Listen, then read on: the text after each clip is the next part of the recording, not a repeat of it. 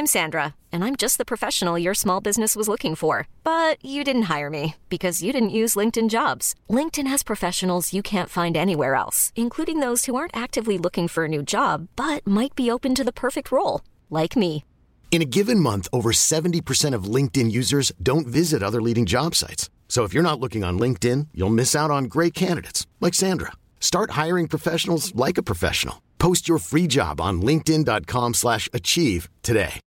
Millions of people have lost weight with personalized plans from Noom, like Evan, who can't stand salads and still lost 50 pounds. Salads, generally, for most people, are the easy button, right? For me, that wasn't an option. I never really was a salad guy. That's just not who I am. But Noom worked for me.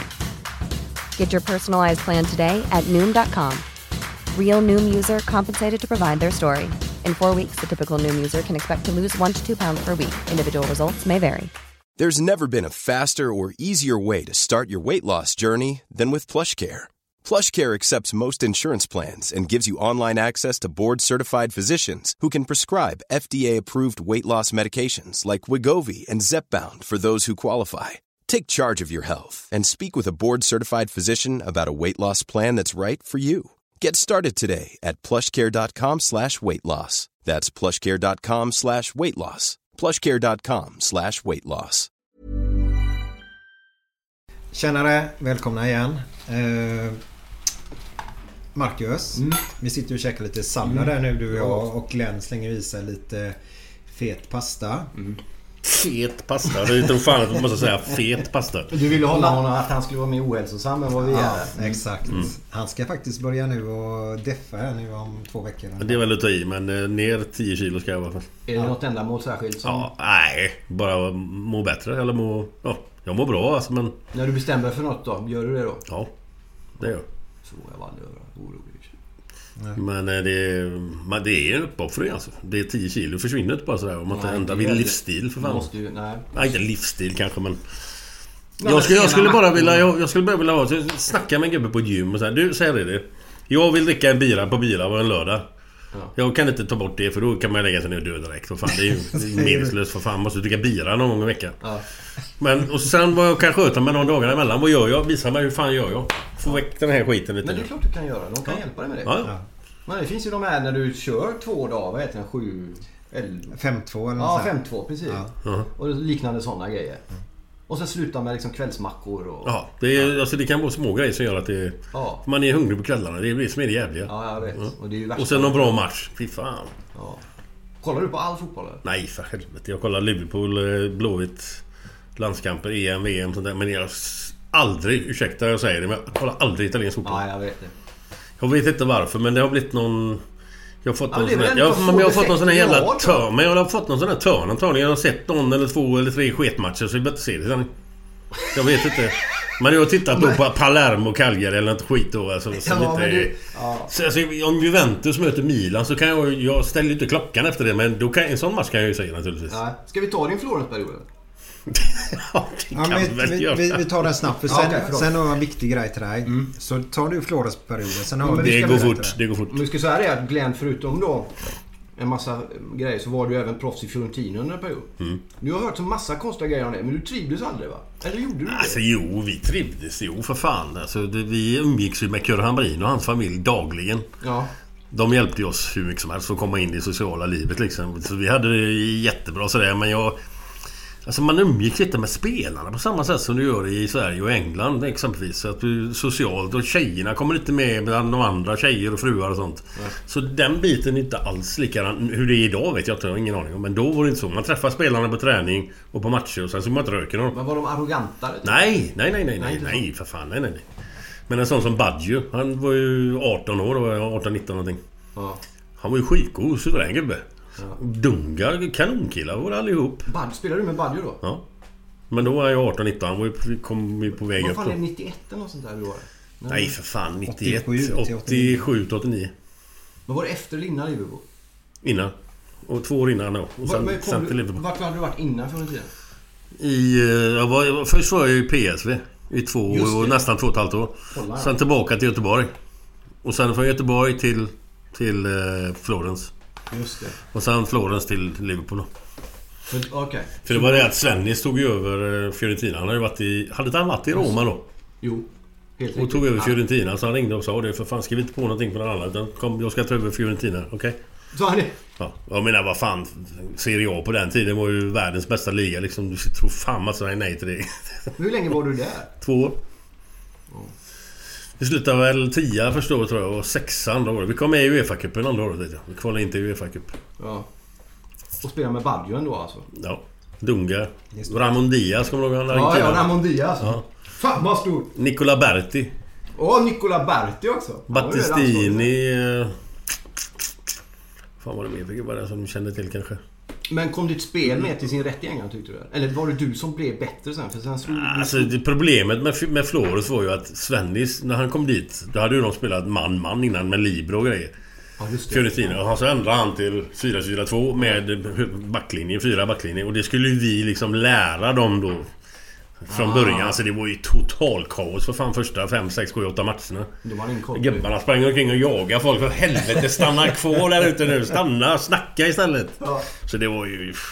Fick du det som på din... Ja, lite grann var det ju så att man skulle styra upp det där. Man kan du inte språket liksom och de kan fan knappt engelska. Nej, så det det- var ju jävligt svårt alltså. Vad var det som var lagkapten då? Det var Renzo Contratto, högerbacken. En sån här perfektionist. Det var han som stod och fönade håret innan matcherna. Ja, just det. För sen... För sen ja, men du slog ju inte igenom men nu blev Nej. Sen i Liverpool blev det ju ändå... Ja, och så ja, den där ja. jävla sjuka matchen mot England. Ja. Vad fan hände där alltså? Nej. Det är ju alltså en hel, fortfarande, menar, man har ju sett miljoner landskamper. Men för mig är landskampen varit viktigare än det. Men den kommer man fan ihåg. Man kommer ihåg även mediebevakningen efteråt. Du fick, jag tror det var en som man var det inte sex stjärnor eller sånt där? Jo. Kex getingar tror jag det var. Men det, det är Men vad hände den gången? Nej, jag vet inte. Allting stämde bara. Det, Kände du det när du spelade? Ja, jo, visst. Men det är ju inte så att jag går och... Jag kände inte så efter matchen att wow. Utan det fick man ju bara påmint hela tiden. Så här. Men det är ju en helt sjuk Men det sjuka med den jävla resan det är att det jag kommer ihåg mest det är ju alltså att Efter matchen så var jag och Thomas Ravelli Och Roland Nilsson av alla människor. Jag vet inte varför han hamnade med oss. Men vi var ute på hamnade på en brasiliansk jävla sylta mitt i London någonstans. Ja. Och står på en scen och sjunger Lili Marlene. Är det sant? Lite rätt. Fan, det är, tänk om man varit mobiltelefon. alltså, det där hade man ju betalat. Jag, jag, jag pratade precis med, med Micke om detta i bilen upp att det var en jävla tur det inte fanns den tekniken som finns idag. Det hade varit mycket skandaler.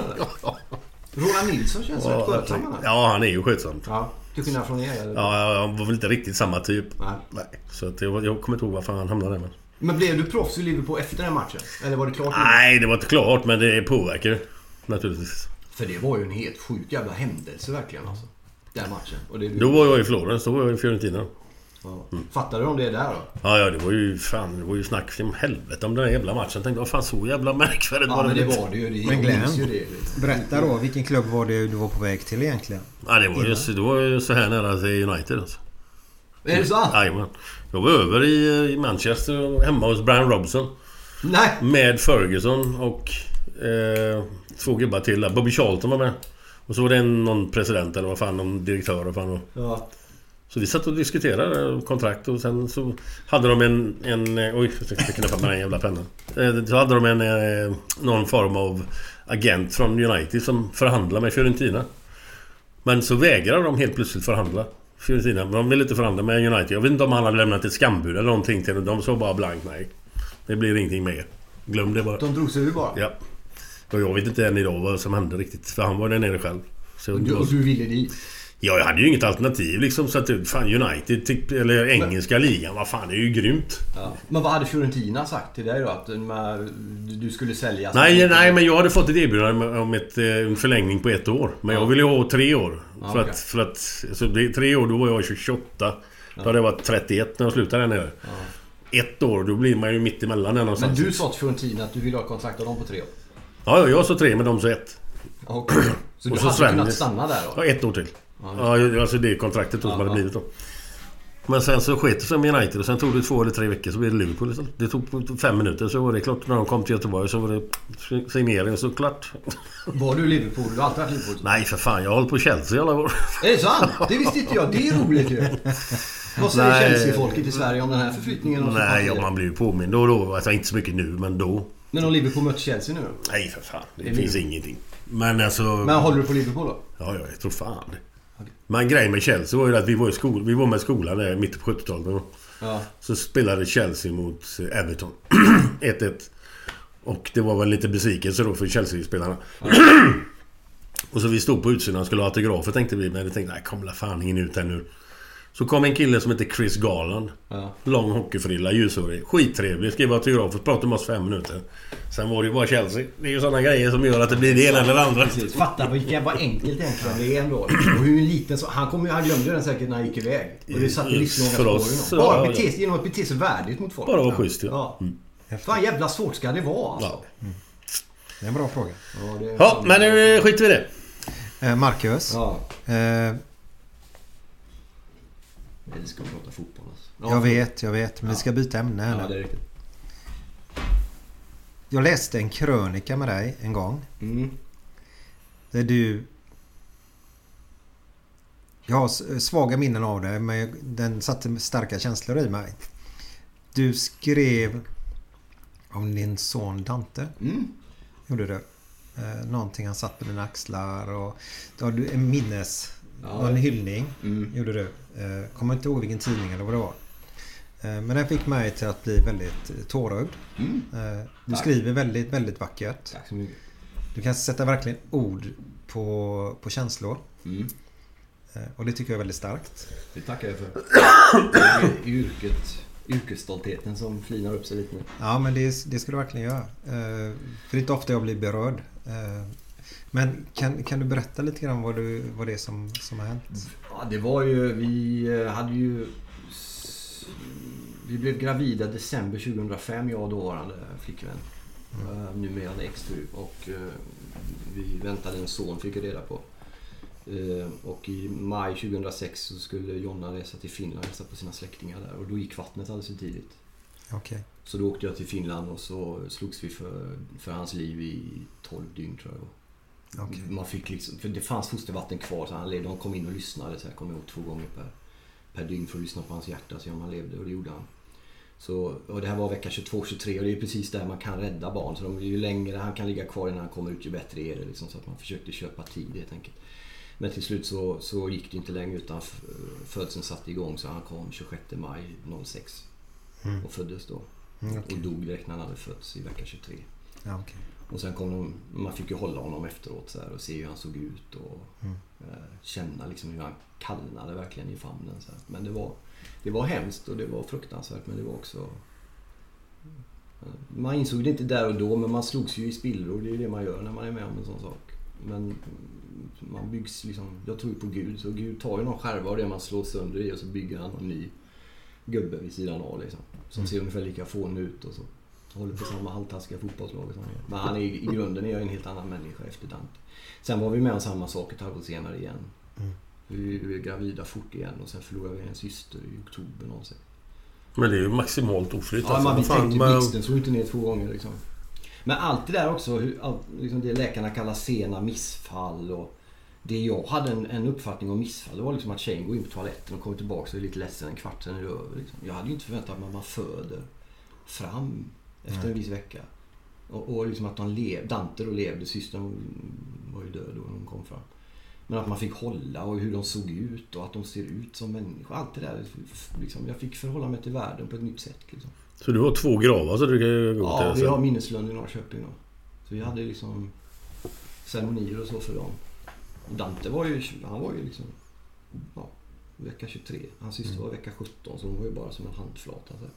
Och de hade ju liksom, man såg ju allt. De- De var ju liksom små men, men människor liksom. Och det förändrar mig i grunden på, på alla sätt och vis egentligen. På bra sätt också. Men har det påverkat någonting med de andra två? Du har två barn nu Ja, nu har jag två barn. Har det påverkat någonting att du blir mer liksom... Jag är eller? lite hunsigare. Ja, ja, ja, jag tänkte om du blir lite försiktigare, lite dutt, dutt, dutt, dutt, dutt, Sen tror jag att det också det hjälper med om man är ute i offentligheten och stryk ibland en del och så. Ja, mycket. Eller om det är någon komiker som tycker att det är roligt. Så brukar jag tänka ibland att okej, vi förlorar en son och en dotter. Eh, och, men nu har vi en son och en dotter. Och den, alltså den kampen vi hade, det kriget som vi gick igenom de fem åren för att få då Milo och Mimle som, som vi har nu här. Nej, Jonna gjorde en operation och var sängliggande i ett halvår med båda barnen. Oddsen var jättedåliga, men vi lyckades liksom. Då, då känns det som att det är ingenting kan nå ändå. Liksom. Nej. Om man vunnit det kriget så spelar det ingen roll vad Magnus Bettner står och skriker på en scen i Ludvika åt en, liksom. Nej, det har ju liksom kanske inte med... Nej, det går förbi. Liksom. Men, var ni jävligt nervösa så då naturligtvis? Ja, ja. När du var gravid för tredje gången? Med Milo. Han är ju IVF då, provrör. Jaha. Så vi var i en kamp bara det. Och sen att han var gravid och sen var Jonna sängliggande i sex månader låg hon ner. I stort sett. En rullstol på slutet. Och sen så hade vi ett datum för hon sydde fast, eller vi, men de sydde fast eh, livmodern på Jonna. För att det inte skulle ramla ur. De gjorde ett band runt livmodern. Den får nu stanna. Liksom. Så vi hade ju en tid för kejsarsnitt då. Okej. Så när, han, när Milo kom, eller Totti också som vi kan kalla honom så här dags igen. När han kom ut och, och rörde sig och skrek och kissade på oss. Då var det liksom, det är ju... Det är Fabio Grosso-klass på den grejen. Alltså. Vad heter det sa du? Fabio Grosso som slog in sista straffen i Ja men det är ju liksom... För vi hade ju bara dåliga bilder. Vi hade ju bara bilder på barn som dör när de kommer. Så allt det där var väldigt liksom, skräckrelaterat. Så att få ett barn som levde då, det var liksom... Och sen en gång till med Mimmi då. Ja, det, det är fantastiskt. Är det slut på den biten nu eller? Eller är det mer barn eller? Ja, jag har ju en ny, ny tjej sen en tid och hon, vill, hon har två barn egna. Så hon vill att vi ska ha barn. Ja, vi får se. Ja. Ni då? Ja, du har massa? ja, en massa till höger och vänster så, så är det. Ja. Ja. Till höger och vänster undrar man. ja, men det är många barn i det. Ja. Ja.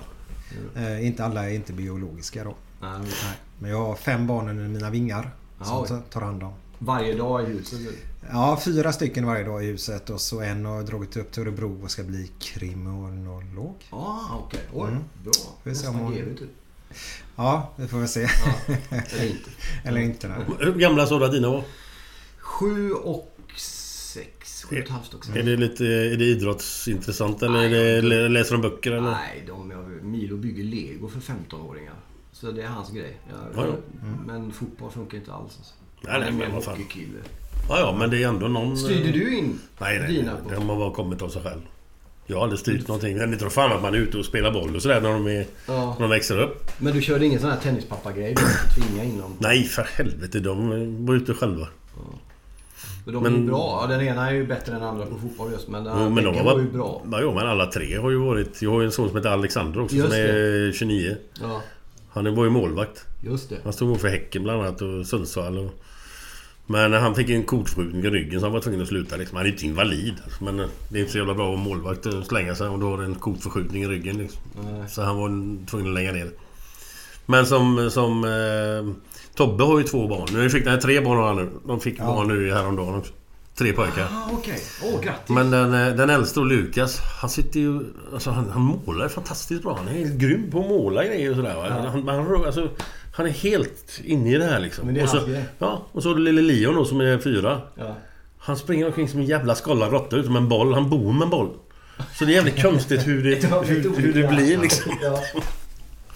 Är du farfar då? Ja, och morfar. Vilket år du född? 59. Ja, okej. Men det är ganska tidigt ändå bli både farfar. Eller? Nej fan, jag är 57. för Ja, det är sant. Det- Jag tänkte ju det- så. Ja, det är. Men du är ju yngre än vad Thåström är. Thåström är ju så tidlös, tänker jag. Han är född 57. Då är du ändå yngre. Ja, ja, ja. Fan, då är han närmare 60. Ja. Ja. Har du åldersnoja? Nej, inte ett skit. Har du noja över någonting? Nej. Nej. Jag det är så jävla intressant med dig och din, den mediala grejen du har varit med Det är lite så pluravarning på det nästan. Du har ju gått från liksom, ja, men fotbollsspelare, den här snygge killen i Blåvitt som alltid var du vet, här, tjejernas. Och så. Och som Öysel så hade man liksom, man tyckte ja, han är ju bra, liksom, han spelar fel lag. och så. Och sen så hade du någon medial när det var så här, lite buffligt rykte typ så här, Det man hörde då liksom, Glenn Hysén, buffligt. Sen var du kommentator, kommentator naturligtvis. Alla hela Champions League-match på TV3 hela 90-talet. Och sen blev det lite Och sen var det någon, du slog någon på något dass. Och sen vände det bara liksom. Slog någon på något dass. Ja men det stämmer ju. Ja, men, Ja, men det ja. vänt, sen blev det liksom någon sorts sån här, du vet, myspappa med hela, hela gängen bara. Alla bara älskar Glenn liksom. Är det inte lite kortfattat lite resa? Jo, jo då, jo då, jo då. Men jag tror att det beror på att... Alltså jag... Jag liksom sätter... Jag värderar inte, eller degraderar, eller vad heter det? Jag har inga värderingar på folk. Fan, jag tar dem som de är. Fan, jag är som jag är. Vad fan då? Enkel och vanlig och fan... Men det går. Men det är väl du också liksom? Du är länge jävla... Ja, men det, jag har ju inte gjort en sån resa som du har gjort. Det, jag väcker ju... Men vi är ju lite olika. Alla har alla gjort sina resor. Vad fan? Du har gjort en jävla resa. Det är sant. Det, det, det är inte så jävla svårt liksom att bara vara sig själv jävla länge. Jag Men var är dina fantastiska... Nu har jag till med de här två mer mediala om man får säga. Har de hjälpt till lite där? För de har ju en väldigt... Vad ska man säga? Positiv och... Vilka sa De är du? ju... Ja, men dina barn. Ja, ja. De har, eller två av de här som är mer Ja, mediala ja, då. ja, ja, eller ja. fotbollsspelarna. Och Anton. Mm, De är ju liksom... De är väldigt om... Hängde du med i det flödet lite? de vann, de var Let's Dance och de här grejerna och så här. Nej, alltså de gör ju sitt liksom. Ja. Jag tycker det är skitkul att det går bra. Fan, det är ju underbart att det funkar. Och det är olika håll liksom. Det är inte samma eh, grejer. Utan Men du, du snackar på någon Pride-game ja? Ja, det var ju... Fan vad det är? Ni- 07. Ja, det är så jävla länge sedan. Ta- Tantelunden. Det är väl här på Söder någonstans va? Ja, det ligger en bit här. Herrejävlar. Men, men, men att, att, att slå folk på toa till att snacka. Jag kan inte se mig själv göra. Jag kommer aldrig få en fråga vad jag gör för att ta på. Alltså, där har du beskrivningen nästan av den resan du har gjort. Ja, men alltså det så här var det att det här kom fram av någon jävla anledning. Precis lagom till jag skulle snacka där då. De hade ju sagt, frågat om... För grej, grejen med Pride-grejen det året var ju att de skulle snacka, det var idrottstema liksom. Ja, okej. Macho i fotbollsomklädningsrum, i hockey i omklädningsrum, handboll, allt vad fan det var för någonting. Men så kom det här fram då någon dag innan att då hade det varit en journalist som hade skrivit i en tidning, i, i, någon jävla... Någon, någon krönika eller vad fan han hade gjort för någonting. Att, hur fan kan det vara Glenn Hysén som talar på Pridefestivalen som knockar en bög i, på en flygplats? Jag har fan aldrig sagt att det var en bög jag har knockat. Jag sa att det var en sjuk jävel som har klappat till ordentligt på en flygplats. Jag har aldrig nämnt ordet bög. Men bara för att det var då Pridefestivalen så ville han tyckte han väl det var kul då. Och då, då, då, då blev det ju lite kommersiellt där att, att fan, ska han stå där och snacka sig? Oj, pissnervös. När man står inför 15-20 000 folk där. Olika sexuella läggningar. Fan, ska jag säga minsta lilla fel så blir det buande här nu? Men det gick ju bra. Ja, för fan. Men jag fick ju hjälp med det talet av, eh, av en gubbe. Inte hela, men eh, så vi kom på liksom att så här kan man inte säga. Du kan inte säga ni och vi liksom. Du, du tror att det är en jävla pestsmittad... Måste inkludera alla. ja. Nej, fy fan. Men det roligaste med den jävla festivalen där var faktiskt att på, på, på lunchen innan talet så frågade han Tasso mig, en kille som var organisationen, han som skötte hela skit. Kom, vi, kan jag gå ner och spela lite kubb? Ja, för fan, det är lugnt. Det är skitroligt. Det var ju bara det, det var ju inte träbitar. Det var ju dildos man spelade kubb Nej, med. de spelar kubb med... med Jag stod såna en stor jävla negerdass i näven där. Ja, det ska man skicka ner bulvan i mitten där. Ja. Då skulle man Man kände sig inte så jävla hemma där kan man ju säga. Ja, det är ju ytterligare ett läge för mobiltelefon kan man tycka. Ja, vad bra alltså. Ja. Ja, nej, men det är intressant. Det är kul att följa människor sådär som man liksom har följt genom livet och genom åren på olika sätt. Men du ändå en, när man älskar fotboll så är du ju liksom en offentlig person på alla sätt. Det är så intressant att se vilka vägar resorna tar. Ja. och det är kul när det i ditt fall går så bra då. Att det ibland säger, ja men fan han är ju... Och du är ju skön liksom. Du är ju... Men alla gillar dig. Det är det som är... Ja, men jag tror det är bara för att man är normal liksom. Det är inget märkvärdigt. Vad fan då? Det är så som det är va? Ja. Marcus, Mm. vi måste komma tillbaka till dig nu. Eh, Måste vi det verkligen? ja, det måste vi. Vi får väl se om jag hörs överhuvudtaget. Men det är ju så här, du, du säger att Glenn har kört en resa, men du har också gjort en resa. Mm. Och nu undrar vi lite grann vad det var som hände. Ja. Ja. Och vi har inte stenkoll på allt. Eh, vi kör den här genom att inte hålla på och googla sönder personer i fråga vi kommer till innan. För det tycker vi är jävligt tråkigt. Mm. Eh, du sa ju det att när du slutade dricka så gick allting uppåt och det lyckades karriären och du har varit på TV på Prata fotboll. Mm. Eh, du har jobbat ihop med Ekdal tror jag va? Mm. Eh, du har varit På spåret. Du har varit på Let's Dance. Det kan vi ta om en stund. För det bara det är väldigt intressant med er två. Eh, men, men, men så när allting lyckas i detta så, så helt plötsligt så får du kicken och grejer. Mm. Och här är vi ju väldigt intresserade både jag och Glenn på att vad var det som hände? Det var någonting med Kristdemokraterna först. Kan du ta den här Alltså, biten? egentligen är det ju, det är ju inte någon annans fel. Alltså, om, man, om man går igenom alla grejer som har hänt så är det ju en person som återkommer kan man säga. Okej, ja det är Det är du. jag. Okej. Så att det här att... eh, jag kommer ihåg när jag, apropå för att återkoppla kort bara till när jag blev nykter 05 så kommer jag att prata med en kompis om det när jag varit nykter någon månad där. Så sa jag det till honom när han gick i trapphuset. Fan det är roligt för att jag tror det är fler i trapphuset som blir nyktra. De bara heja på honom. Okej. Och jag, jag fattar inte själv att ju, om du ändrar en så ändrar du ju alla nästan runt omkring dig. Liksom. Folk, Ja. Är du trevlig, som du är inne på Glenn, när folk är trevliga. Eller är du trevlig mot folk, då blir folk trevliga emot dig. Exakt. Framförallt om du håller i ett tag. Och folk upptäcker att man är ju, det är inget fel på honom. Liksom. Så det är ju, delvis är det ju mitt, min egen... Sen har jag nog en, en destruktiv ådra som gör att när det är för bra så måste jag slå sönder det. Liksom. Okej. Varför det? Ja, Jag vet inte. Det är nog fel liksom. Och det är någon författargrej. Att det där att liksom stå fri, som jag var inne på i början. Att göra grejer på egna premisser när man blir lite styrd av liksom. Och det jag kan tycka är är lite sorgligt med, med det som har hänt möjligen. Det är liksom att när det gick väldigt, väldigt bra så fattade jag inte att det gick väldigt bra. Det fattar jag ju nu. Nu blir jag ju skitglad för minsta lilla liksom. När ni hör av er. Inte för att det är en liten grej så. Men alltså, jag blir väldigt glad över när någon visar intresse och sådär. När jag stod på ett torg i Venedig och löneförhandlade om 250 000 i månaden med Expressen så rörde det mig inte. Liksom. Jag fattade inte var jag var någonstans. Jag blev helt uppsnurrad av att det gick bra.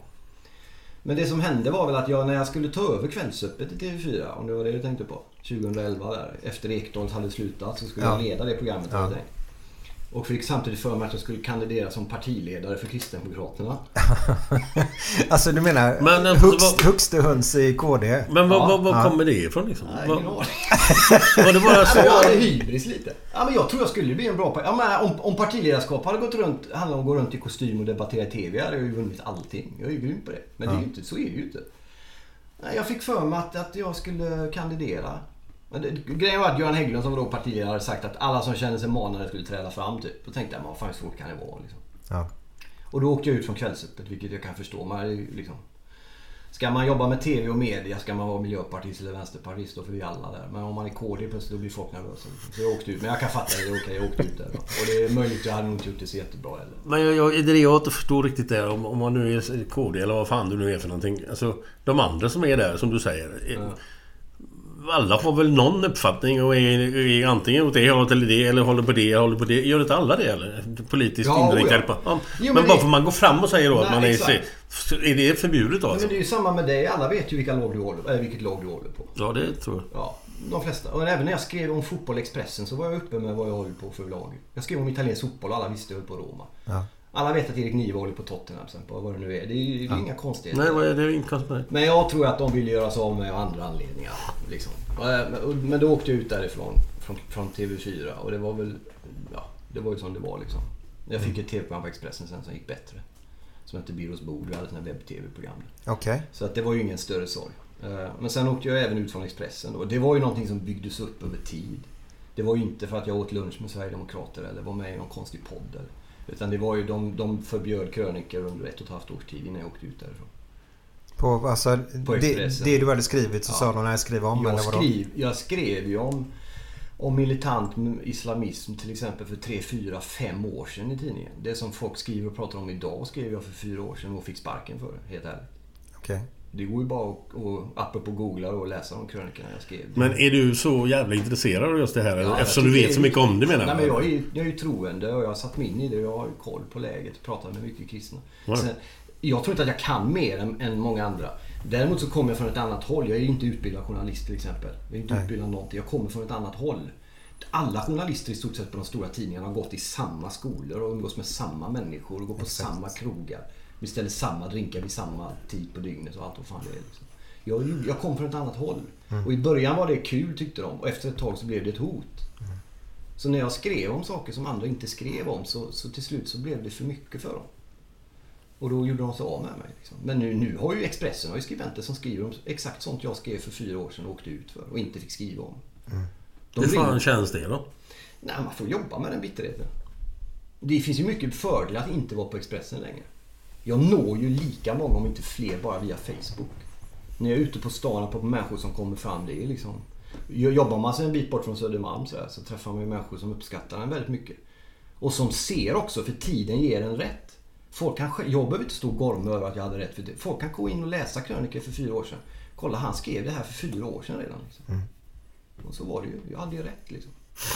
Vem var det det? Om vi tar Sverigedemokraterna där.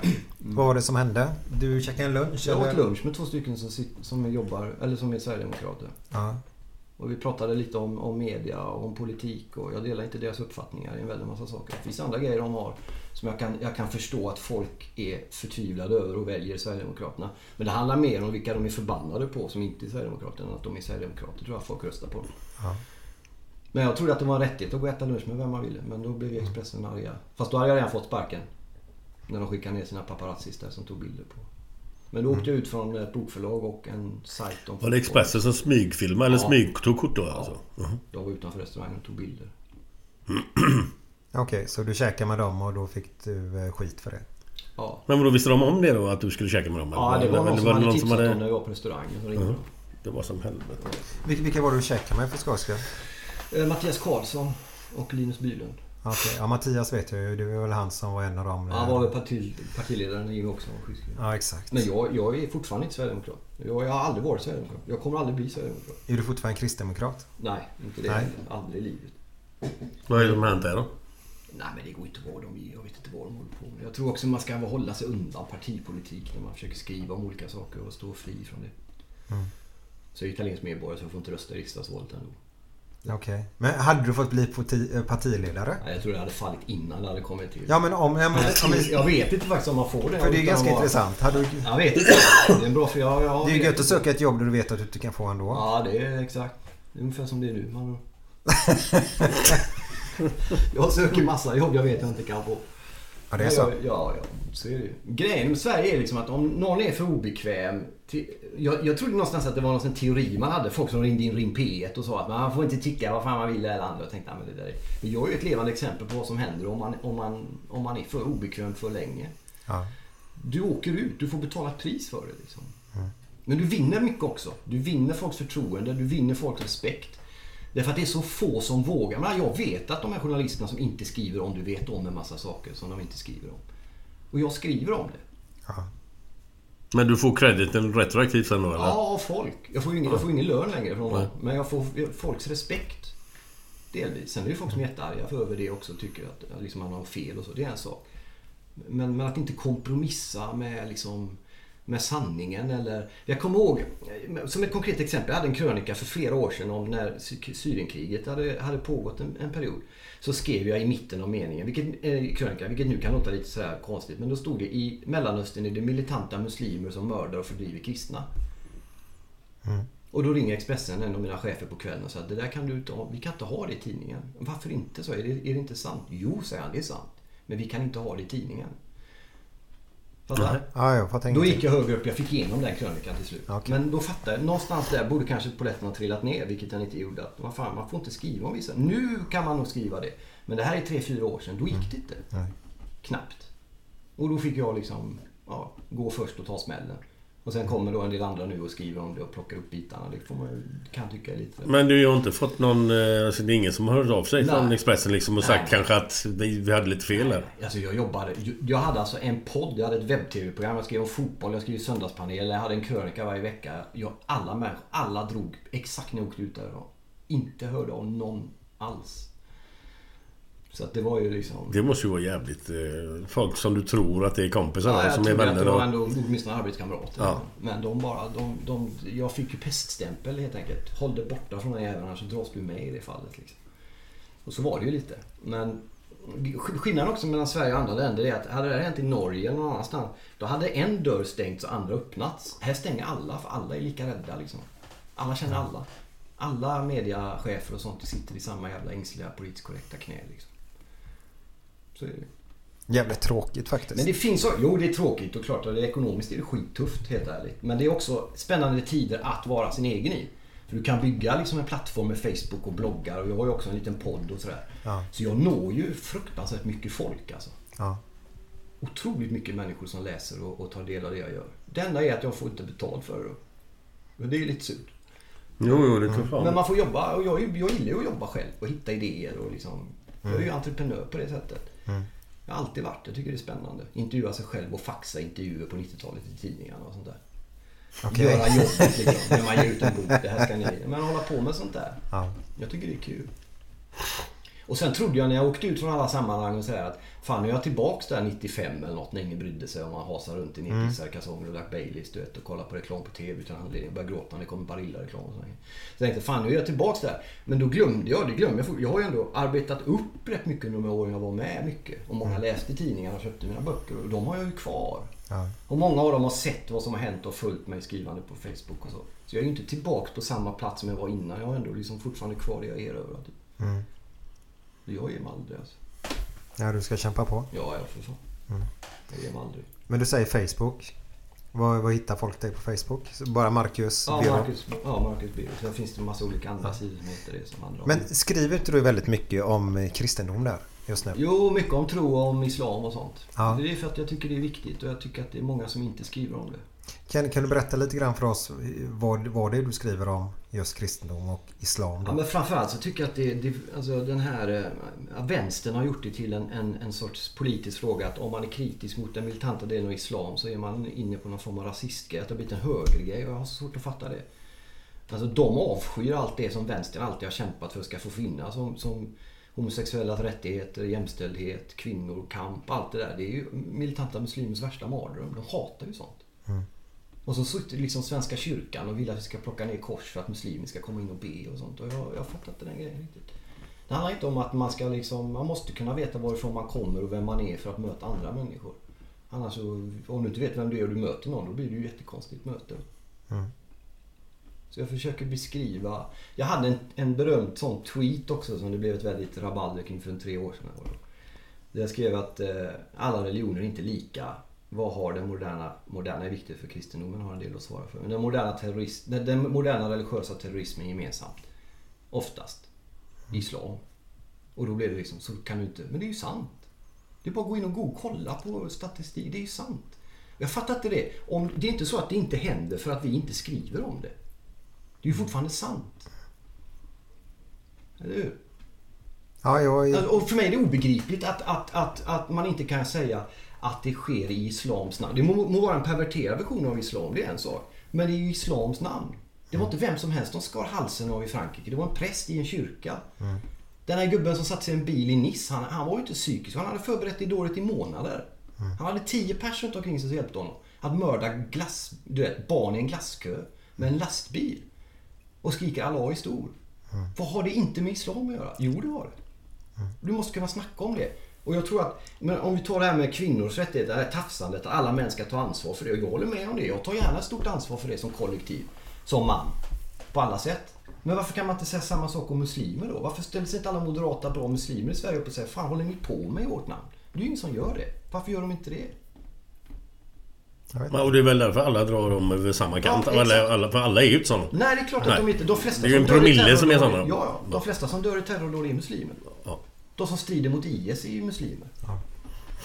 Med vapen i hand i Mellanöstern. Så, så det gör det hela ännu mer obegripligt liksom. Jag, jag, jag vill bara att det ska vara att, att, att när de skriver, när, jag glömmer aldrig det samtalet när han sa det att jo det är sant men vi kan inte skriva det.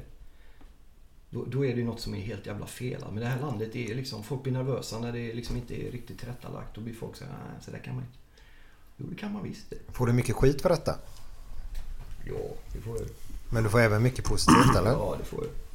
Man behöver ju inte hålla med. Alla är så jävla rädda för att så fort man inte håller med någon. Då ska man liksom... Eller folk som säger upp bekantskapen på Facebook med gamla vänner och har känt i 30 år för att de röstat på ett annat parti. Vad fan handlar den grejen om? Då degraderar en människa till en politisk uppfattning liksom. Ja, det är ju alltså Är man åsikt är inte ju en mer än en sak. åsikt? Och människan är ju en Ja, sak. men det är ju två helt olika grejer. Ja, exakt. Det är det jag vill säga. Det är ju som när man var ung och inte pratade med moderater för att man var social. Alla var ju kommunister när man var ung. Liksom. Jag pratar inte med dig för du är moderat. Men då var man ju 16 år. Ja. Ärligt talat alltså. Fan, är det någonting man vill göra så vill man ju prata med folk som inte tycker som en själv. Så det blir lite Ja, det- tjat. Ja, så det blir kött och gött. Någon som håller på några, för du vet, alla kollar på Serie A bara på Om alla kommer in i samma och alla tycker precis samma, då får jag utslå. Det är det värsta jag vet alltså. De här jävla proggarna, de är ju värst på det. Går de här marxistiska grundkurserna, du vet, man sitter och alla tycker samma. Så kommer någon annan och tycker något annat, då ska den även ut liksom. Ja. Jag fattar inte det. Möt, demokrati handlar ju om möten. Möta människor som inte tycker som jag. Ja, det är ju För de andra vet jag ju redan. Ja, Ja. det är utveckling. Jag vill inte umgås med folk som tycker som jag. Det är ju fruktansvärt. Eller umgås bara med poeter eller författare eller annat. Alltså aldrig. Nej, där går gränsen faktiskt. Ja, Framförallt efter det här mötet tycker ni. Men du, vad, vad, vad har hänt mellan dig och din bror Peter? Nu fyllde han 50 för några veckor sedan. Ja. Eh, och då var jag faktiskt där och firade lite. Han såg rätt omskakad ut. Så jag, vi ska väl, jag hoppas att vi kan börja träffas och umgås igen. Men hur länge har det pågått då? Ja, det har pågått under flera års tid. Men vi har inte haft någon kontakt på tre år. Okej. Men du träffade honom nyligen då? Ja, jag träffade honom nu i för några månader sedan bara. Ja. Så vi får se vad som händer. Jag var där och läste, jag har faktiskt läst en dikt till honom när han fyllde 50. Okej. You should celebrate yourself every day, but some days you should celebrate with jewelry. Whether you want to commemorate an unforgettable moment or just bring some added sparkle to your collection, Blue Nile can offer you expert guidance and a wide assortment of jewelry of the highest quality at the best price. Go to BlueNile.com today and experience the ease and convenience of shopping Blue Nile, the original online jeweler since 1999. That's BlueNile.com. BlueNile.com. Hiring for your small business? If you're not looking for professionals on LinkedIn, you're looking in the wrong place. That's like looking for your car keys in a fish tank. LinkedIn helps you hire professionals you can't find anywhere else, even those who aren't actively searching for a new job but might be open to the perfect role. In a given month, over 70% of LinkedIn users don't even visit other leading job sites. So start looking in the right place. With LinkedIn, you can hire professionals like a professional. Post your free job on linkedin.com slash achieve today. Hey there, it's Michelle Norris. I'm host of a podcast called Your Mama's Kitchen. When I travel, I'm usually looking for a way to find a taste of home when I'm not at home. And one of the things I love to do when I am at home is entertain. And Airbnb allows me to do that. When I was in California recently, I rented a house that had a great kitchen. And when we were sitting around the table, we're all thinking, we're in someone else's house. Someone could be in all of our homes as well. If you have a home, but you're not always at home, you have an Airbnb. Your home might be worth more than you think. Find out how much at airbnb.com/slash host. Allt som vi har liksom gemen, alltså oavsett vad vi har för grumps de sista tre, fyra åren så har vi ändå en historia som är värd att, att skriva en dikt om tyckte jag. Ja. Hur gjorde jag det? Det blev fint. Ja, jag tänkte... Det är väldigt... Ja, jag tror, jag tror han blev rörd faktiskt. Ja, bra. Är han fotbollsfreak också? Ja, lite mindre. Han, Inte, inte lika så. han har skällt ut mig. En Ja, han har gjort det? Ja, han har skällt ut många. Vad handlar den grejen om nu? Eh, ja, jag vet inte vad Ja, det var. Det exakt. var jag, Det är jag, ofta så. jo, nej, exakt. Jo. Eh, jag och Figge eh, hamnade på någon sån jävla poetgrej någonstans uppe på Avenyn. Det var en jävla poetgrej ja. Ja, Ja, jag, jag har ju inte gjort det. redan där har vi en anledning. Vilket år är det som vi kan lokalisera oss i våran tillvaro? Åh, fan får jag tänka. Eh, 90... Mitten på 90-talet. Ja, okej. Stökigt. Mm. Ja, eh, eller vad fan var det senare? Ja, mitten, slut... Nej, mitten någon gång. Skitsamma. Ja. Eller det är det inte. Men det var någonstans på Avenyn tror jag. Mm. Så gick man upp en våning. Mm. Gjorde man. Och så var det folk som läste dikter och grejer och sånt där. Och det är ju inte min cup of tea om Nej. man säger så då riktigt. Eh, Men så gick vi ner och var där nere och så kommer Peter gående lite längre bort. Så vi ropar då Peter Birro tyckte jag. Men jag uttalade hans efternamn fel. Var det därför du frågade om du skulle uttala det? Ja, exakt. Mhm, okej. Eh, Så han tillrättavisade mig och Figge där. Eh, Fast, fast vänligt men bestämt då hur uttalet skulle vara då. Okej. Men jag tyckte det lät väldigt bra nu med. Ja, Ja, okej. men eh, jag var ju inte i sinnesfulla bruk just då. Nej. Nej, okej. Men det var en trevlig end så fast han tillrättavisade oss då. Ja, okej. Rejält. Ja, Men nej, vad bra att ni Ja, men hoppas. tagit... Det är, för, det är för kort allting. För att man ska gå runt och liksom och... Och framförallt, mamma och pappa var ju på det här kalaset också. De har nog lidit mer än vad jag och Peter har gjort över det. Har de gjort. Vi älskar varandra men vi har haft en period där vi inte kan umgås. Det är mer på den nivån. Men mamma och pappa har ju tyckt att det är hemskt. Men tänk dig själv. Du har två barn Ja, nu. visst. Det är klart jag har gjort. Det är ju helt vidrigt. De ska bli jätteovänner och inte umgås. Det vill man ju inte. Nej. Jag vet, jag var... eh, hade ett år när jag inte snackade med farsan. För det var en grej som hände. Det är inte bra. Det är inte bra. Det är inte värt det alltså. Nej. Man mår så jävla dåligt. Det bara. Man mår dåligt bara. För fan. Även om man tycker vad fan ska fan inte prata den här jäveln. Men det är inte, det är inte bra alltså. Det är inte, det är inte värt det. Det är fan inte värt det. Så det är bättre att röja direkt och så är det bra. Ja. Men det är väl inte alltid så himla enkelt heller? Nej, det är menar, möjligt men... Är det mycket känslor inblandat så kanske inte, alltså diskussionen kanske inte blir så, så bra om man säger. Nej, det kan nog krävas tid. Ja, ibland gör det Men nu det. har du ju gjort det och det får Mm. liksom inte... Men han pappa blev väldigt sjuk. Han mår bra nu men han åkte in akut för den här kroppspulsådern på. Oj. Så han som Werner. Werner, ja. Eh, Och då, hade, då var det ju... Han var ju nära att dö helt enkelt. Så då, då märkte man ju hur viktigt det blev igen att man var med Peter och sådär. Så Mm. man, man, liksom... Ja, man får ta i det bara. Mm. Livet är för kort för att hålla på och bråka om sånt där. Och nu har det gått tid så nu är det dags. Men det var du som tog steget? Ja, tror jag, det tycker jag nog. Mm. Som åkte dit och, och firade honom. Ja, Han visste inte om det heller. Så det var... Nej. Bra. Ja, det är, det är bra. Eh, beroende var vi inne på förut. Mm. Eh, jag är väldigt intresserad av... Eh, eller väldigt intresserad men... Eh, när du skulle skilja dig Glenn, Så vet jag att du drack en hel del. Ja, det gick ner ett par liter ja. Ja. Eh, och du Marcus har ju skilt dig eller gått isär. Mm, skilt mig. Ja. Eh, inte det väl jävligt tufft att skilja sig? Eller hur? Jo, det är, inget, det är ingenting man skryter om direkt. Nej. Men sen den perioden som jag var som värst där, det var ju liksom att... När... Så efter 26 år så är det ju inte bara att komma fram och göra så här och säga att så nu är det så här. Utan det gick ju en period, flera månader. Det, är- alltså man vågar ju, vill ju inte säga något. Men jag måste ju få fram det någon gång. Och då låg man ju fan och smög sig upp hela tiden med en flaska under sängen liksom. Eller under soffan och kollade på TV. Och, och så precis som att inte någon märker något. Ja, man tror Man det. tror ju man är fan ensam i hela världen. Det är ingen som märker någonting av det. Pff, Bullshit. Men eh, man, alltså, man märker att man... Just i det läget är man inte så jävla kaxig alltså. Nej. Men eh, det, det, allting löser sig va. Men eh, det är, ingen, det är ingenting man går och skryter om att man har skilt sig två gånger. Det är ingenting som man är, som tycker är så jävla bra. Nej, det är stökigt. Ja, Lundell sa det när han fick frågan när är det jobbigast? Ja, innan, under och efter. Okej, ja. Och det stämmer ju. för Det är olika typer av... eh, Det är olika faser av jobbighet man går in i. Liksom. Det måste vara en sorg också väl? Det är en stor sorg. Ja, det är en stor jävla besvik. Eller det är ju en, eh, ett nederlag. Ja, det är ju det, exakt. det som är meningen från början. Nej, det är Men det händer ju saker så vad Sen fan. är det ju ibland är det ju nödvändigt. Jo, jo.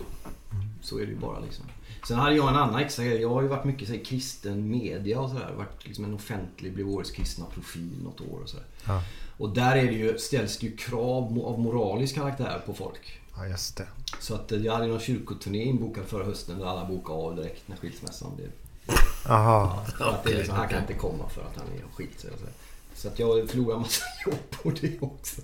Bara att jag skilde mig. Men eh, ja. Jag tror att om man som kristen sätter sig på de höga hästarna att man dömer någon som skilt sig. Vad man gör då egentligen det är att säga att man aldrig kommer hamna där själv. Och det ska man akta sig för. Det. Men det där med kristen, är det från föräldrarna eller, eller har du, du är uppvuxen med, uppvuxen med Nej, sånt? jag eller, är eller? ateistisk där. Pappa är, pappa är proggare och ateist. Och mamma var aldrig... Det kom, Hur kom det sig att du Jag blev det? Jag började läsa Bibeln och bara fastnade och började be. Och, Jaha. så det le- liksom blommade ut själv. Liksom.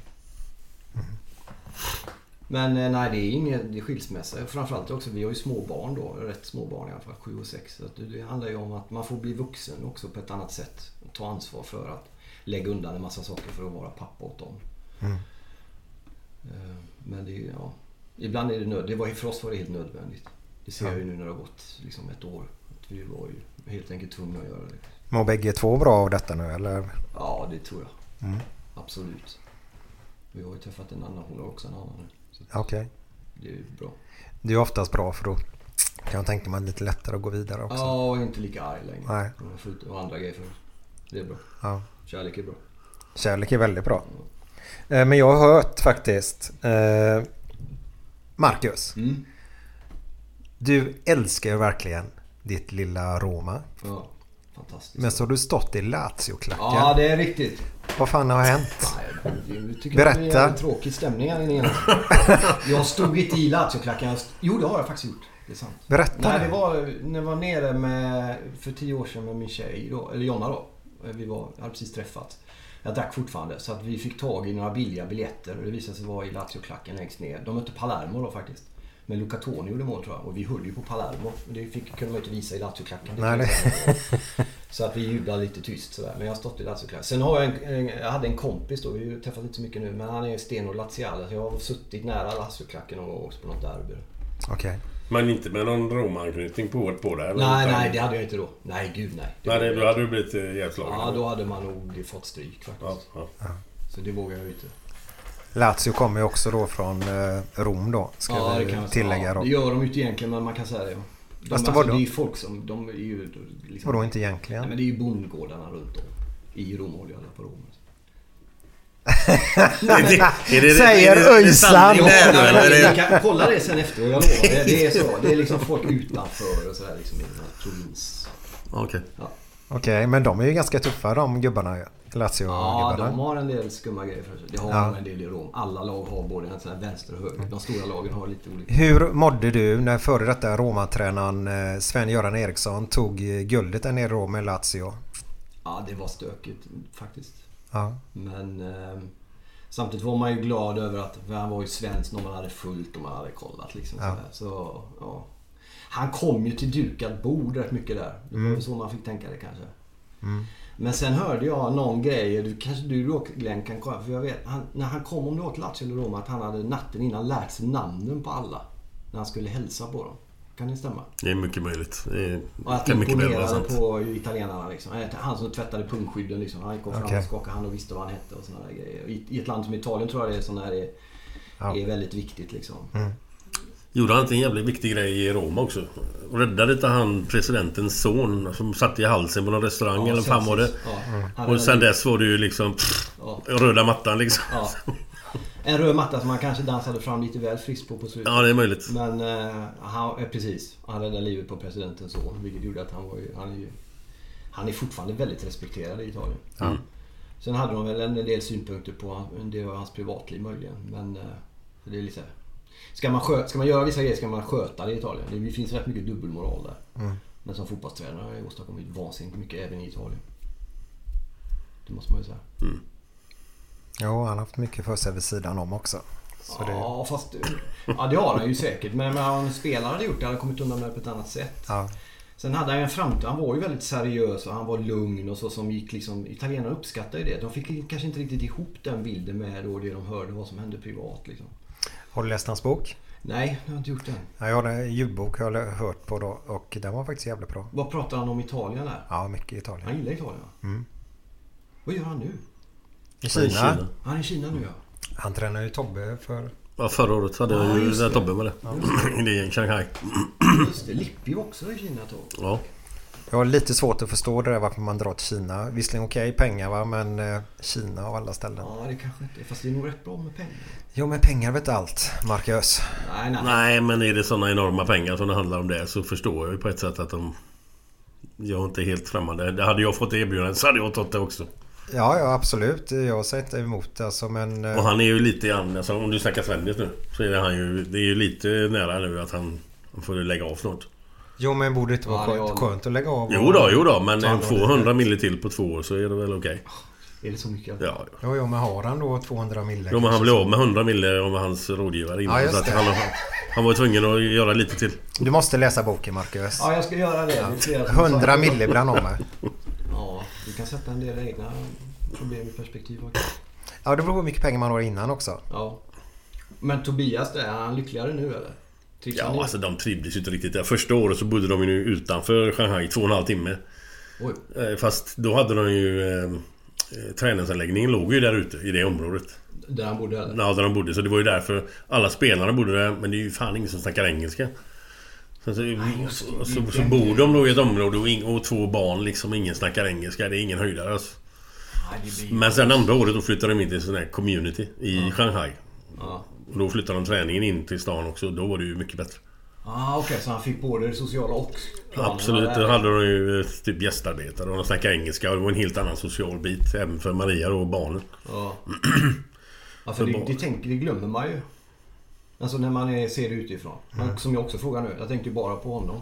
Mm. Ja, hur hade han det? Man har ju barn och fru med sig. Eller, Ja, men du vet, det påverkar ju alltså spelarna. Om du märker en spelare som är jävligt bra normalt och så helt plötsligt så är det lite vajsing och fan.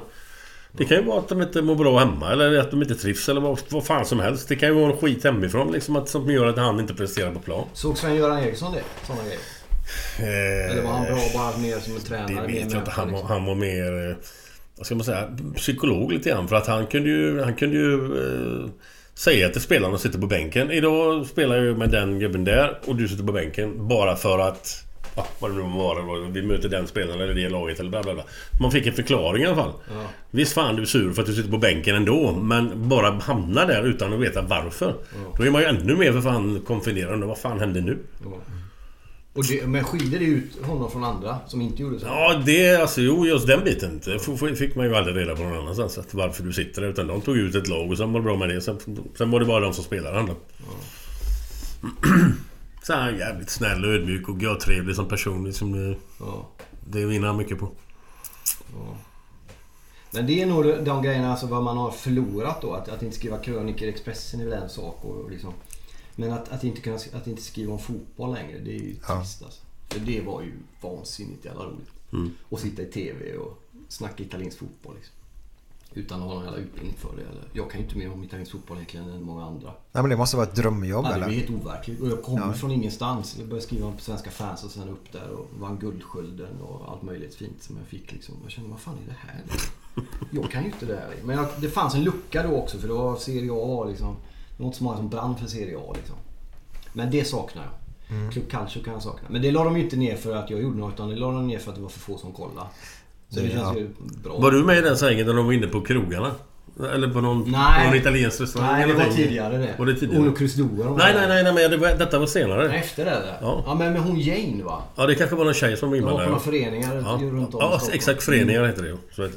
Nej, ja, det här var 2010 till 2014 körde vi Club Calcio. Ja, Okej.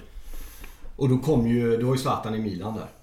Han kom samma dag vi körde första programmet. Då var det ju liksom, men sen när han gick till, vad det nu var, något av alla lagen han har gått till. Så då, alla, då följde det liksom. Ja. Då började alla, alla följa honom. ja men så är det. Så då la de ner. Men det var skitkul. Åka till San Siro och sitta, ja, men det vet du ju. Liksom. Mm, ja men den är jävligt maffig den arenan. Den ser för jävligt ut på utsidan. Ja, ja, det är vidrigt. Men när du kommer in så är det ju maffigt alltså. Ja, det är fullt liksom. Ja, ja. Men det är ju en sak, du jobbar med det, du kommer där. Jag hade ju ingen, vad fan, jag var ju helt fel där liksom. Jag var ju ett fan som hamnade liksom med Jesper Husfeldt och Thomas Nordahl och Åslund och de här. Sitter jag där liksom, hallå eller? Nu kolla. Snacka i TV liksom. Ja, det var, fan vad kul det var. Ja. Det är jag jävligt glad över att jag fick göra faktiskt. Kanske kommer igen, man vet ja, aldrig. vi får se. Jag körde lite på Nyheter 24, en sajt nu under EM och pratade lite om fotboll och så. Det var jävligt kul faktiskt. Ja. Är, det, är det någonting eh, som du har velat göra i livet? Som inte du har gjort ännu? Jag skulle vilja skriva en roman som alla läser. Det hade varit jävligt kul alltså. Jag ger ut en roman nu i vår faktiskt.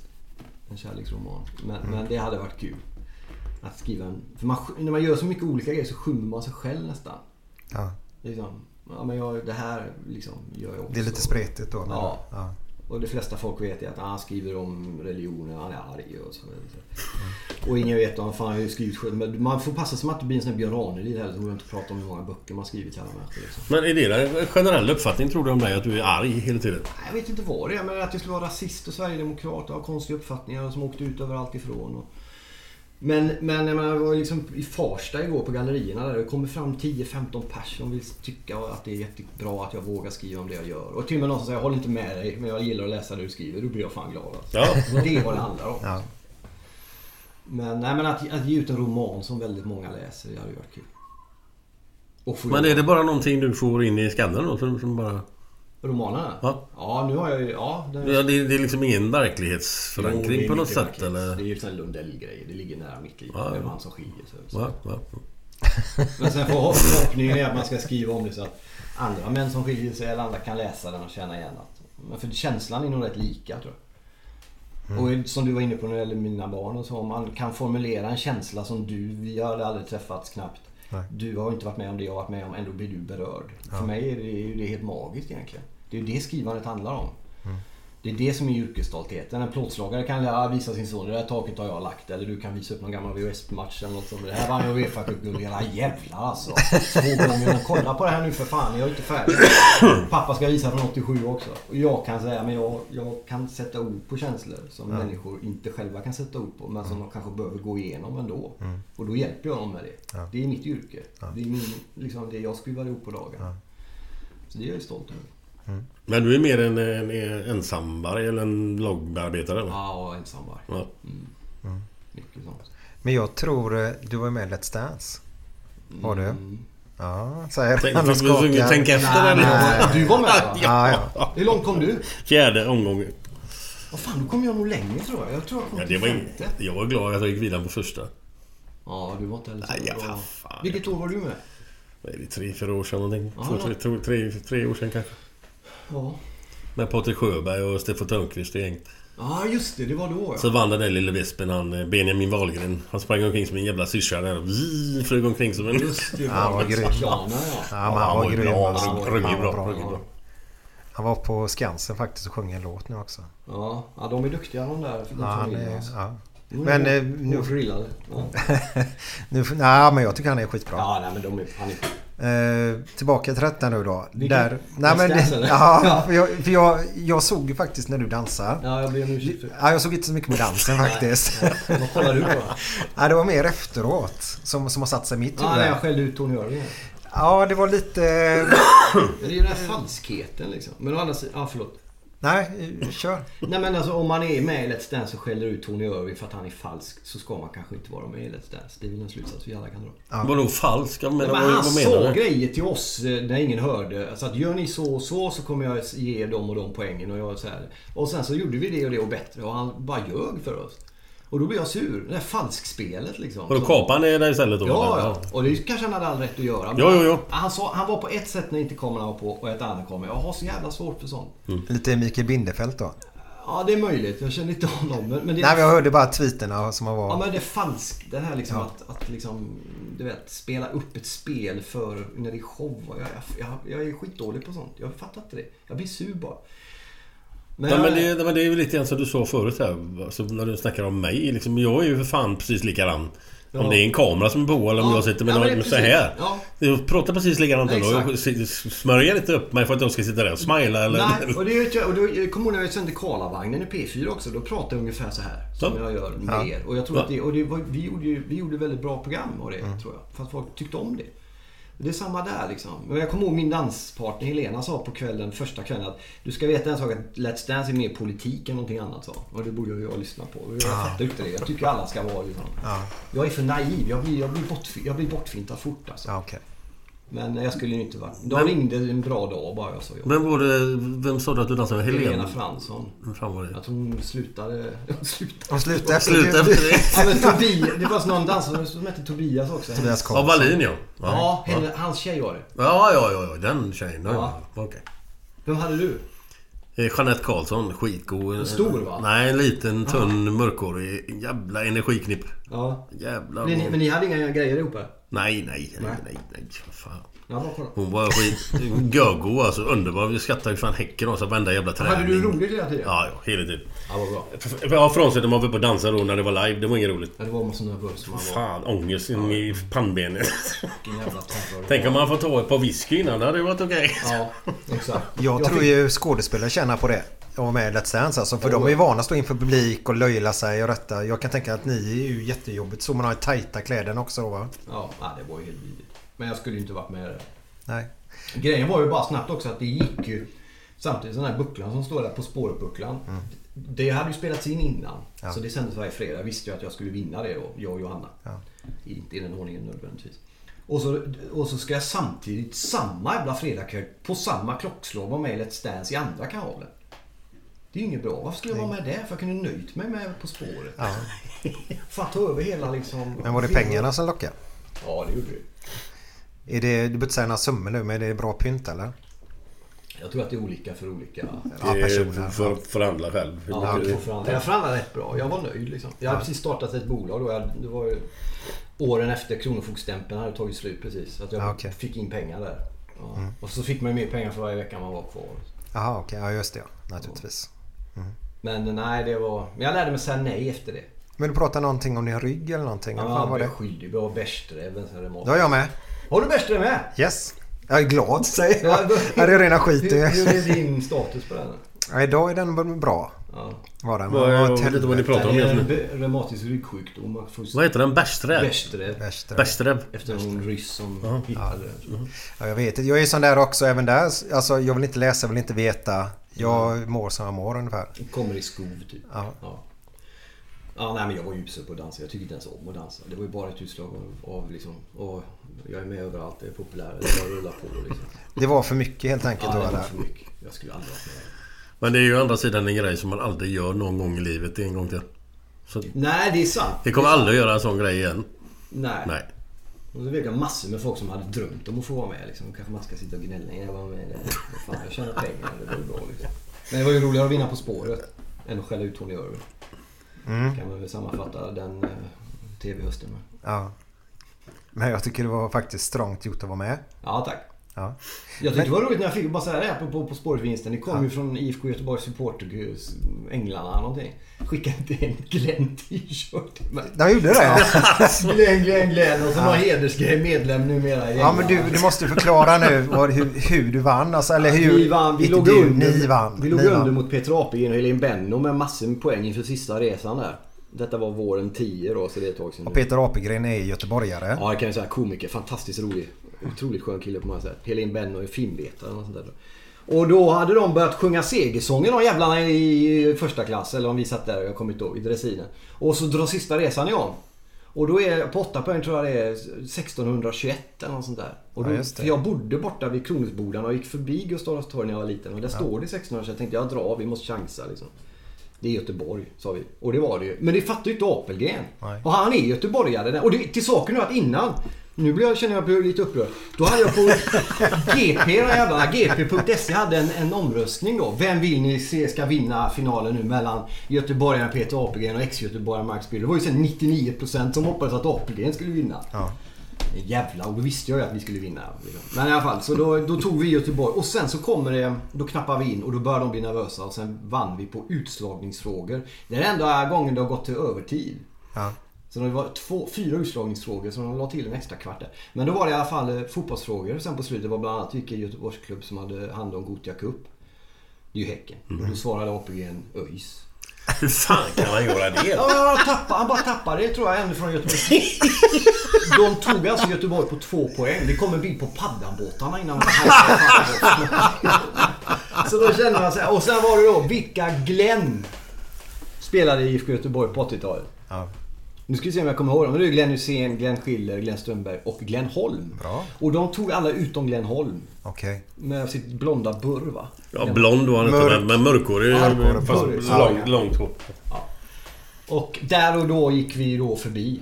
Mm. Eh, eller kapp och sen så vann vi på en sista frågan var vilket år fick Harry Martinsson och Öyvind Jonsson det Nobelpriset i litteratur? Och då visste jag att det var 74 och de sa 72. Så då vann vi. Men fotbollsfrågorna var ju att vi kom ikapp. Just Glenn-grejerna. Och då såg Blåvitt supporter och skickade en t-shirt. Det stod Glenn fyra gånger. Jag har kvar den någonstans. Ja men det är ju fint. Ja, det är ju helt underbart. Ja. Jag blir jätteglad och stolt över det. Fan vad häftigt. Ja, jag var häftigt. Jag har ju hört rykten att Apelgren hade, har ju haft ångest över detta. Han inte kunnat sova och grejer har jag hört. Ja, ja, det har jag också hört att han var helt förtvivlad efter det där. Men det ska han fan vara. Så jag tycker det är för dåligt. Ja, det var- Vilket lag arrangerar Gothia? Det kan ju för fan en, en treåring. Och att han missade Göteborgsfrågorna från 8 ner till 2 poäng. Han var... Vad var det för frågor däremellan? Kommer du ihåg någon där? Nej, men jag var ju, det var ju ganska klart och tydligt vad det handlade om. Liksom. Men det kallas ju hjärnsläpp. Ja, de tappade det liksom. Mm. Och då var ju vi, då var det ju bara psykologi sen egentligen. Då, då att vi lyckades vända och vinna. Men hon du tävlar med var ju jävligt duktig. Hon finskan Kolja, där. Ja, ja. Ja. Johanna Kolja är fantastisk. Mm. Så vi kompletterade varandra lite grann. Är det okej om vi tar ett kort på den sen och lägger Ja, upp då på fredag här nu? Ja. Men det är som min son sa när jag pratade om det för någon tid sedan. Ja, det är jätteroligt men det är länge sedan nu pappa. Det har han ju rätt i. Ja, det har han rätt i. Apropå slå sig själv för bröstet. Ja. ja, återigen är vi tillbaka att man längtar tillbaka. Ja, lite, lite sådär. Nej, men det där är jag ju bara stolt. Jag älskade ju På spåret också. Jag har ju tittat på det alla Har du varit med där? Nej, nej, nej, nej, nej, nej. Glenn, Fan, jag eh, vågar inte. Jag är inte så bra inte jag. Nej. Jag skulle bara ge bort mig. Jag Glenn- är hyfsad allmänbildad men... Ja men det räcker ju om du har med någon som... Nej. Nej, jag vet att Ralf... Jag känner ju Ralf. Edström väldigt väl. Han var ju med. Han sa det var ju helt jävla sanslöst svårt. Han är ganska intelligent alltså. Men han, han hade kunnig. fan inte många rätt alltså. Så det, det, nej, det, det är för svårt. Ja. Men det var ju någonting som apropå skillnaden till Let's Dance. och Det är något jag tyckte om och var glad Ja, ja. över att få vara med. Liksom. Och få vinna det är ju fantastiskt kul. såklart. Jag har en fråga till dig nu, kom att tänka på. Mm. Du som är en språk... Ja, du, vet du vad? Jag ska ta en annan grej. Bra. Jag, du och jag började ju eh, Facebooka. Mm. Och sen började vi mejla. Mm. Och då skriver du så här, mejla mig. Och skriver du M-E-L-J-A. Mejla mig, skriver. Ja, just, gjorde jag det? Ja. Ja, jag, jag, jag har ju alltid när jag har skrivit, har jag skrivit med MA. ja, just det. Ja. Och då fick du mig att gå tillbaka till eh, klass 6 igen. Ja. Där, där jag sitter och ska ha högläsningen för klassen ungefär va? Och Ah, bara svettas att hur fan ska jag skriva nu? Ska jag skriva med A eller E? För du skriver med E och du kan ju svenska. Ja, fast jag hade inte en tanke på det. Nej men jag fick den Ah, känslan. okej, det var inte alls meningen. Nej, det du är ju inte ditt fel. Det är ju inte ditt, det är ju Nej, mitt man tillkortakommande. Mejla eller mejla eller e-posta eller man får Man fattar väl vad fan det Ja, är vad det är ändå. så fort det kommer en person då som, som, som har en kunskap så, så, så kanske man Ah, blir du lite underlägsen. liten Ja, väldigt mycket ska du veta. Ja, jag hör det. När det gäller ja, Men det är faktiskt. ju bara att skita i det. Liksom. Jo, men jag gjorde ju det till slut och skrev med E. Som ja, du. Och jag det. Nej, men jag skrev med E. Det ja, gjorde ju du ja, också. gjorde det. Ja, Ja, just, du sket ju inte i det egentligen. jag tog rygg på dig. Ja, exakt. Ja. Och trodde att jag visste vad jag höll på med. Ja. Det är ju aldrig bra. Men Min... Inte rygg på mig. Aldrig andas. eh, min fråga till dig är varför i svenska språket använder vi utnyttja när man ska nyttja något istället? Typ, vi måste utnyttja kanterna mer. Ska man inte nyttja kanterna mer? I fotbollsspråk då. Ja, är- Eller man säger en person står där borta, han säga att han är snickare. Ja. men gå bort honom. Eller Utnyttja hans arbets... Ja, Ja. ska man inte nyttja dem istället? Varför? För ha koll på detta i språket framöver nu. Ja. Så säger folk alltid utnyttja istället för nyttja. ja. Eh, har jag fel att jag, jag tycker språkbruket är fel? Nej, det är grammatiskt är det ju fel. Men varför säger folk utnyttja? Vi måste utnyttja. Ska man inte nyttja sina kompisar? Eller vi måste utnyttja Tobbe Hysén på toppen mer. Ska vi inte nyttja honom mer? Ja, egentligen är det ju så. Varför säger man så? Jag, jag vet inte. Tillräckligt många har sagt det under tillräckligt lång tid och då blir det att det funkar. Kan inte du gå i bräschen och ändra på detta? en, en grej som är värre i så fall tycker jag det är den här, fast du har det är ju sant. För när man väl använder utnyttja i till exempel om man pratar om trafficking, ja, då blir det genast liksom, ja, Ja. det är där det hör hemma typ. Ja. Men när, när folk på fotboll säger vi, ja han lugnar upp spelet. Fan där går gränsen. Man lugnar ner, man lugnar fan inte upp spelet. Nej, det är lite svårt är faktiskt. vidrigt. Då skulle jag nog bli... Men det var grammatiskt har du ju rätt. Man ska ju nyttja någon. Ja, man ska inte utnyttja någon. Det är Nej, äck- äckligt inte att utnyttja någon. på topp. Utnyttja, det är ju lite negativt. Ja, exakt. Ja men de, lyssna nu på, på alla sport. ja, ja. Mycket i sport är det. Ja. Och även i vanliga. Så ska man utnyttja det. Istället för att nyttja det då. Ja. Det var bara jag kom tänka på det ja, nu. Nej, det är helt Eh, rätt. Helt rätt. Men som sagt var, jag var tillbaka i klass 6 där ett tag. Ja, jag ber om ursäkt. Det var inte alls. Nej, det behöver du inte göra. Nej. Det är jag som ska jobba på mitt självförtroende Ja, bättre. det kan du nog behöva göra. Jag känner igen den här Eller självkänsla. Ja. Jag kommer ihåg när jag började på Expressen och Kapelin som var på Aftonbladet då fysiskt klappade mig på huvudet och sa eh, det spelar ingen roll hur bra du skriver om italiensk fotbollsmatch för någon riktig journalist, det blir du ju aldrig. Va? Sa hon Och det? vad var anledningen till det liksom? Ja, vi satt i samma TV-soffa. Hon kände väl sig hotad liksom. En liten parentes om varför det gick som gick. Ja, men henne som jag alltid tyckte var bra. Nej men det är väl inget fel på henne. Men, Nej men alltså när man, när man säger så. Det är ju, alltså, jag har ju men de svårt... blir hotade liksom. Ja, men jag har svårt för folk som trycker ner andra människor. Jag tror inte hon menade så egentligen. Men hon, hon kanske kände sig liksom... Ja, jag glömmer det aldrig i alla fall. Och i början blev jag ju sur. För jag, är precis, jag, resonerar ju lite som du med. Man, när man kommer in i nya sammanhang och de här kan en massa, då vill man liksom... Ja. Men sen så kommer jag på, vad fan, jag skriver ju brallorna av henne. Ja. Utan att vara journalist. Det är väl jättebra att inte vara journalist då. Ja men det är det. Ja, jävlar alltså. Stryksramma. Nej, men man, kan, man ska visa dem. Det räcker. Vi har ju nu... eh, Ja, Suttit vi, här ett tag. vi har suttit här nästan i snart två timmar. Eh, tid, vi, vi sa det på vägen ner, eh, eller på vägen upp då till Stockholm. Så sa vi att vi hade kunnat podda med dig i åtta timmar säkert. Ja. Vi har så mycket vi skulle vilja fråga Frågan är om folk orkar lyssna mer än... Nej, Nej. De, de gör inte detta. Och. Glenn ska iväg och göra ett jobb här nu. Så nu Ja. ska jag bila ner själv då. Ska du hem igen? Yes, Ja, sätta okej. mig i bilen. Så det är bilen upp, podda, bilen hem. Ja, Okej. Och klippa. Då får jag tacka för att ni, att du, ni ville komma hit och göra det. Ja, Men du ska ju ner till Göteborg den... 8 november ja. Ja. Till Tynnered, Svenska kyrkan i Tynnered har bjudit in mig för att prata lite om, om tro och, och lite så. Vad, eh, hur länge är du i Göteborg då? Då ska jag försöka vara... Jag var ju faktiskt i Göteborg förra veckan i, i tre dagar, vilket var fantastiskt roligt. Okej. Det är inte alltid att jag har varit, men det var fantastiskt roligt att vara tillbaka i Göteborg. Men då ska jag försöka vara där några dagar i alla fall. Hälsa på mamma och pappa. Ja. ja, de bor kvar. Ja. Pappa bor i Majorna i något kollektiv och går runt och lyssnar på Mikael Wiehe och lagar mat. Och han, Ja, men det är ju typiskt. Det är ju den bilden man har ju. han, bor ju ett, han bor i ett kollektiv också. Ja, ja men det är ju typiskt Majorna. Ja, och han blir bara proggigare och proggigare för varenda år. Hur gammal är han? 76. Okej. Och mamma bor i Frölunda så jag ska ja, passa på att hälsa på dem. Lite så. Mm, det tycker jag du ska. Och försöka undvika att gå runt på Svanebäcksgatan i Kungsladugård med Thåström i lurarna och peka upp mot fönster där jag satt och söp som 18-åring och vet, bli nostalgisk över det. Jag kan gå in på Silverkällan och heja på gubbarna. Ja, men, med nya ögon, bara gå runt och njuta. Ja. Utan att bli för nostalgisk. Ja men det är, tidigare har Göteborg varit väldigt mycket, vi ska försöka avrunda nu kanske, men det har ju varit väldigt mycket som ett museum liksom. Man har ju, ja men du vet alla sina minnen, allt man har gjort, alla tjejer, man har allt, allt man har hållit på med. Men nu, nu har det gått så många år, nu är det liksom en, en, en annan stad. Göteborg struntade nog rätt högnackningsfullt i för sin del. Men jag hade lite svårare att släppa det. Men nu är det mer som att fan, det är en, en ny stad. Och, och det jag upptäckte var hur trevliga alla är. Personal på hotell, vi var på Liseberg, vi var på någon restaurang där på Valand och käkade och alla var trevliga och glada. Man blir trevlig och glad själv liksom. Ja, det var helt, det var fantastiskt att, att få visa då min nya tjej i Göteborg på det sättet också. Hon blir alldeles såhär, fan det är en bra stad. Ja. En Hade hon fått någon förutfattad mening Ja, att det vi var var ett skit eller? var innan. skit. Jaha. Vi var i november, en regnig Ja, det är ju kul. Vi var nere i hamnen och pekade där borta, det ligger Hisingen men man ser det inte nu. Nej, dimman och regn. Ja, så det var liksom... Nu var det 200 meter. Allting och allting alla var trevliga och allting var... Ja, nej, det var, det var stort. För mig Gött, var det stort. Jag gött, älskar ju gött. Göteborg. Jag kände att de, inte- Göteborg inte älskade mig. Va? Så det var mer liksom... Men nu har vi kommit... Vi är på speaking terms. Men alla som vi har pratat med innan, vi har sagt att vi ska eh, ja, podda med dig här nu då. Mm. Har ju alltid haft en åsikt. Ja. Men den större delen är väldigt positiv ska du veta. Åh, det glädjer mig. Mm. Det- Tack. Mycket positiv. Och med den här podden vill vi gärna visa upp att eh, visa upp dig som person bara. Ja, precis. Och det glädjer mig för att det är, det är sån här jag är. Vad är gött. På gott och ont, men sån här är jag. Nej men du, du är bra. Ja, tack. Ni med. Kämpa på bara. Det lovar jag. Ja, för fan. Det... Jag ger mig aldrig. Alltså. Men du, det är ju så här Marcus att efter den här låten som går nu Mm. som vi eh, vill ge dig Mm. eh, så kommer ju Glenn med en fantastiskt dålig vits. Bara så Ja, häng, okej. häng kvar där ute nu. Ja.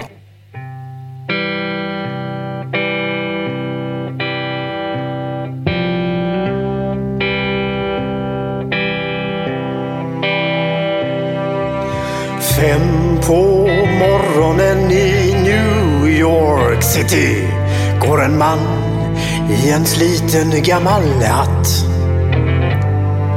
Sveper rocken kring den tunna kroppen.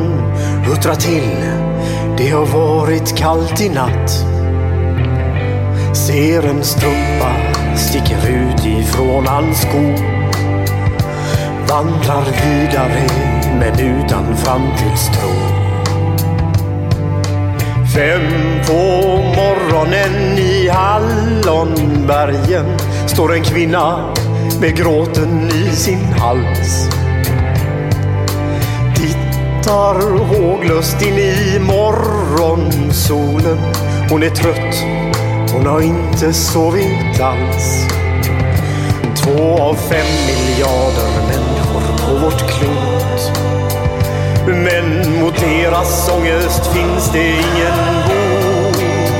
För de är ledsna för att de inte är från Göteborg. De kan inte se hur Gustav Adolf pekar på sitt torg. Det är inget fel på att vara etiop. Men inte riktigt rätt ändå, det vet de allihop.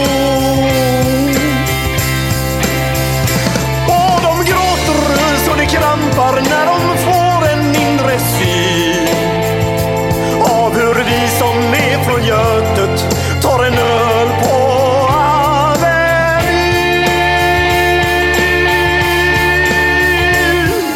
En fotbollskille får sitt genombrott och snackar proffskontakt med fem italienska klubbar. Ändå känner han att tåget har gått. En annan gubbe med en ollontusing och en latextjuva skriker ta mig röven gubbar. Men det ger honom inte nåt. Samma tomma blick och tårar salta smak. Om man frågar säger båda samma sak. De är ledsna